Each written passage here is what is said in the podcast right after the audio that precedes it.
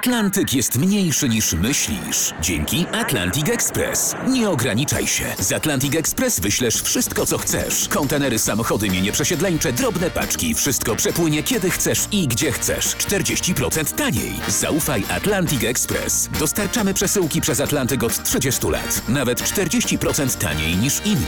Dzwoń 1 800 775 73 63. Ekspresowo przez Atlantyk. Tylko z Atlantic Express. Kolej po kolei. Historię kolei przedstawia profesor Ryszard Tadeusiewicz. Parowóz y, Stevensona, Rocket, był parowozem bardzo dobrej jakości, był produkowany seryjnie i y, chętnie wykorzystywany, ale oczywiście nie powstrzymało to innych konstruktorów przed tym, żeby y, ten parowóz udoskonalać.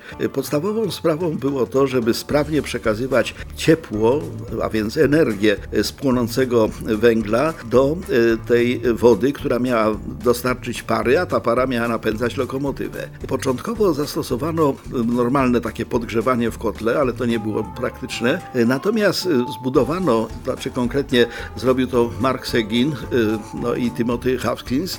Oni w 1929 roku wymyślili tak zwane płomieniówki. Płomieniówki to były takie cienkie rury w kotle. Przez te rury przechodziło rozgrzane płomienie tego, tego płonącego ognia, no i to bardzo sprawnie nagrzewało tą wodę, wytwarzając duże ilości pary na podstawie stosunkowo niewielkiej ilości e, zużytego węgla. To były bardzo istotne e, udoskonalenia. Płomieniówki, cienkie rury w kotle. Z kolei e, sam Stevenson też nie spoczął na laurach i w 1834 roku skonstruował kolejny parowóz, nazwał go Patent. Ten parowóz miał wtedy trzy osie, trzy koła powiązane takimi więzarami. To potem już wszystkie lokomotywy to miały. Z tego kręciły się napędzane parą trzy koła po każdej stronie, ogółem oczywiście sześć.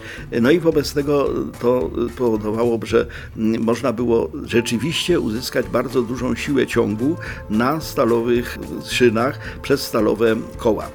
Ulepszono też funkcjonowanie załogi lokomotywy.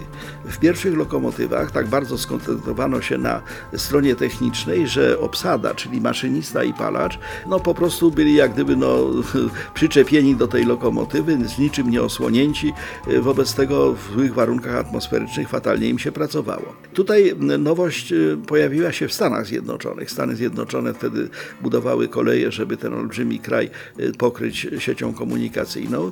I w 1840 roku w Stanach Zjednoczonych wprowadzono to, co w chwili obecnej jest oczywiste, mianowicie tą budkę taką dla po pierwsze tego palacza, on się najbardziej trudzi, no i dla maszynisty, który steruje tam powiedzmy całą tą maszynerią. No i zaczęto już się ścigać, mianowicie która lokomotywa będzie szybsza, pie- pierwsza. Y, Może warto odnotować, że w świecie lokomotyw, bo niedługo się z nim pożegnamy, taką lokomotywą najszybszą, lokomotywa, która nazywała się Malars, Malars 3 i w 1939 roku, 1939 roku rozwinęła szybkość 203 km na godzinę. To była najszybsza lokomotywa świata.